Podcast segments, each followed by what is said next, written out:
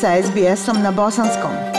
Pronađite još sjajnih priča na sbs.com.au kosacrta bosnijan.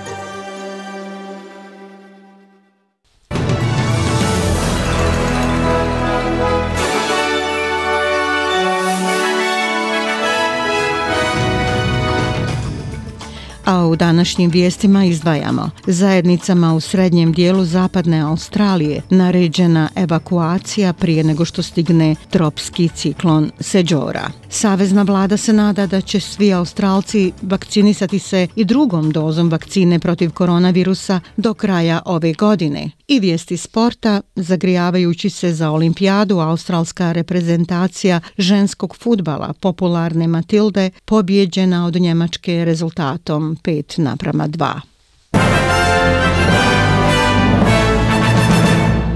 Trgovinski ministar Dan Tian kaže da vlada ima cilj da se svi Australci vakcinišu i drugom dozom vakcine do kraja godine protiv COVID-19 i u tom cilju on u srijedu putuje u Evropu kako bi obezbijedio nabavku vakcina. Prošle sedmice vladin program vakcinacije pretrpio je ogromnu smetnju nakon što su zdravstveni autoriteti preporučili da se vakcina AstraZeneca ne daje ljudima mlađim od 50 godina zbog rijetkog, ali ozbiljnog rizika od pojave tromboze. Gospodin Tijan je rekao za Sky News da se stvari mogu brzo promijeniti. Vi morate biti sigurni da ste postavili vaše ciljeve i da ste pripremljeni da ih preuredite kada se to desi, a mi se nadamo da ćemo do kraja godine imati situaciju da je svaki Australac vakcinisan. Očigledno, najava o dodatnih 20 miliona doza Pfizerove vakcine je dobro došla. Opozicioni ministar zdravstva Mark Butler izrazio je međutim zabrinut zabrinutost zbog malog broja ponuda vakcina koje Australija ima. Također je rekao za program ABC Insider da se program vakcinacije odvija previše sporo. Ovaj program se odvija u ritmu kretanja glečera. Na kraju aprila, premijer je rekao 4 miliona doza do kraja mjeseca. Sjedinjene države stavljaju 4 miliona doza u ruke Amerikanaca svakog dana. Velika Britanija je kod 38 miliona, a mi smo kod jednog miliona. 750 miliona širom svijeta a mi smo kod jednog miliona. Želim da naglasim da ovo treba da se odvija brže, da treba više efektivnosti, jer snaga oporavka naše ekonomije je neraskidivo povezana sa brzinom i efikasnošću programa vakcinacije.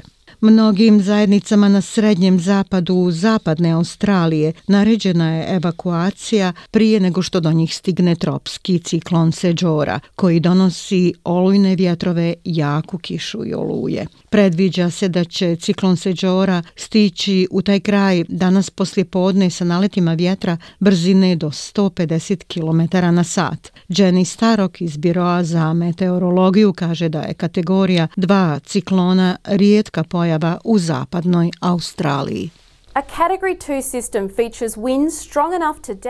Ono što karakteriše kategoriju dva ciklona su toliko snažni vjetrovi da mogu oštetiti kuće, čupati drveće i napraviti opasne uslove.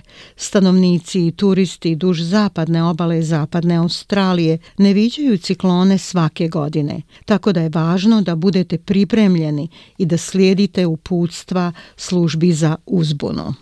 Sljedeća tema tiče se popisa. Australska najveća anketa Nacionalni popis stanovništva održat će se u augustu mjesecu i tada će se snimiti najvažnije stanje o našim stanovnicima. Posljednji popis iz 2016. godine pokazao je da je različitost australskog stanovništva u porastu. Skoro polovina australaca rođena je u inostranstvu ili imaju jednog ili oba roditelja rođenog izvan Australije. Ove godine uposleni su ljudi koji će se angažovati sa multikulturnim zajednicama jer su statistike pokazale da su Australci različitog kulturnog i jezičkog porijekla obično očigledno skloniji tome da ne učestvuju u popisu. Christine Bunstra je multikulturalni državni menadžer za popis u Tasmaniji i ona kaže da za ovo postoje različiti razlozi. Neki od razloga zašto ljudi iz multikulturnih zajednica različitog etničkog i jezičkog porijekla neće da učestvuju na popisu veoma su očiti. Oni ne razumiju šta je popis i koji on značaj ima za njih. Na primjer, ako sam međunarodni student ovdje na fakultetu ili ako sam radnik na privremenoj vizi, može se desiti i da ne znam šta treba da popunim, tako da je to stvarno izazov. I vijesti iz svijeta, britanski prince Charles obratio se javnosti prvi put od smrti njegovog oca, princa Filipa, koji je umro u petak u svojoj 99. godini. On se zahvalio ljudima za poruke sućuti i odavanje počasti čovjeku kojeg je zvao moj papa. My family and I miss my father enormously. He Meni i mojoj porodici strašno nedostaje moj otac. On je bio voljena i cijenjena osoba. Osim svega ostaloga, moram reći da smo duboko ganuti brojem ljudi i ovdje, ali i širom svijeta i u zemljama Commonwealtha koji dijele s nama gubitak i žalost. Počasna salva oružanih snaga u to ime ispaljena je i ovdje i u većim gradovima Australije. Također su objavljeni i detalji sahrane koja će se održati iduće subote 17. aprila u dvorcu Windsor uz prisustvo kraljice i njene porodice i uz COVID restriktivne i predostrožne mjere. Počast preminulom princu Filipu biće odana i minutom šutnje širom zemlje. A još jedna smrt protekle sedmice potresla je građane Bosne i Hercegovine. Naime, 8. aprila 2021. godine je u 84. godini umro Jovan Divjak, general armije Republike Bosne i Hercegovine u penziji. Kako je riječ o izuzetnoj i znamenitoj osobi za Bosnu i Hercegovinu i Sarajevo, kako tokom ratnog perioda, tako i kroz njegov angažman u udruženju obrazovanje gradi Bosnu i Hercegovinu. Vlada je prihvatila prijedlog premijera kantona Sarajevo Edina Forte da se utorak 13. aprila proglasi Dan žalosti u kantonu Sarajevo. I vijest iz Mijanmara, 19 ljudi je osuđeno na smrtnu kaznu u Mijanmaru zbog ubistva saradnika vojnog kapetana. To je objavila vojna televizijska stanica i to je prva javna objava takve presude otkako se desio puč 1. februara. Od tada je u Mijanmaru ubijeno više od 600 ljudi.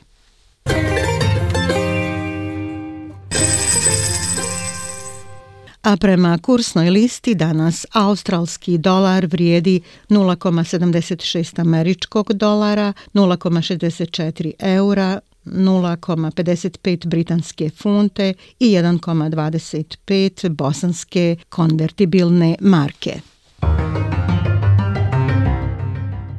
I na kraju vijesti sporta, australski nacionalni ženski futbolski tim Matilde poraženi od strane olimpijskog šampiona reprezentacije Njemačke u Wiesbadenu rezultatom 5 naprama 2. U njihovom prvom meču od kvalifikacije za olimpijadu u Tokiju novi trener Toni Gustafsson priznao je da je bolno popodne u subotu bila provjera stvarnog stanja za australski državni tim. Dva gola Emily Gilnik nisu bila dovoljna da se uzdrma nadmoć Njemica.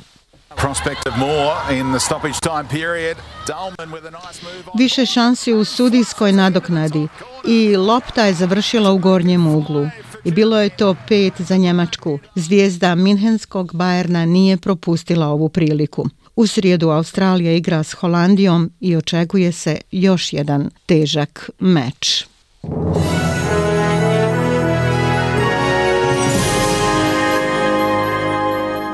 I na kraju vijesti vremenska prognoza Temperaturne vrijednosti za veće gradove u Australiji.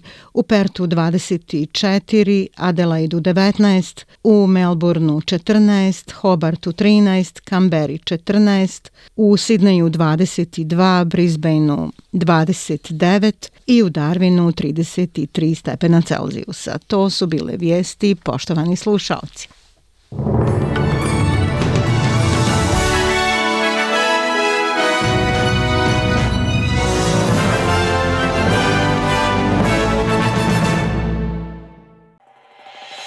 SBS na bosanskom. Podijelite naše priče preko Facebooka. Želite poslušati još ovakvih priča? Slušajte preko Apple podcasta, Google podcasta, Spotify ili kako god da primate svoje podcastove.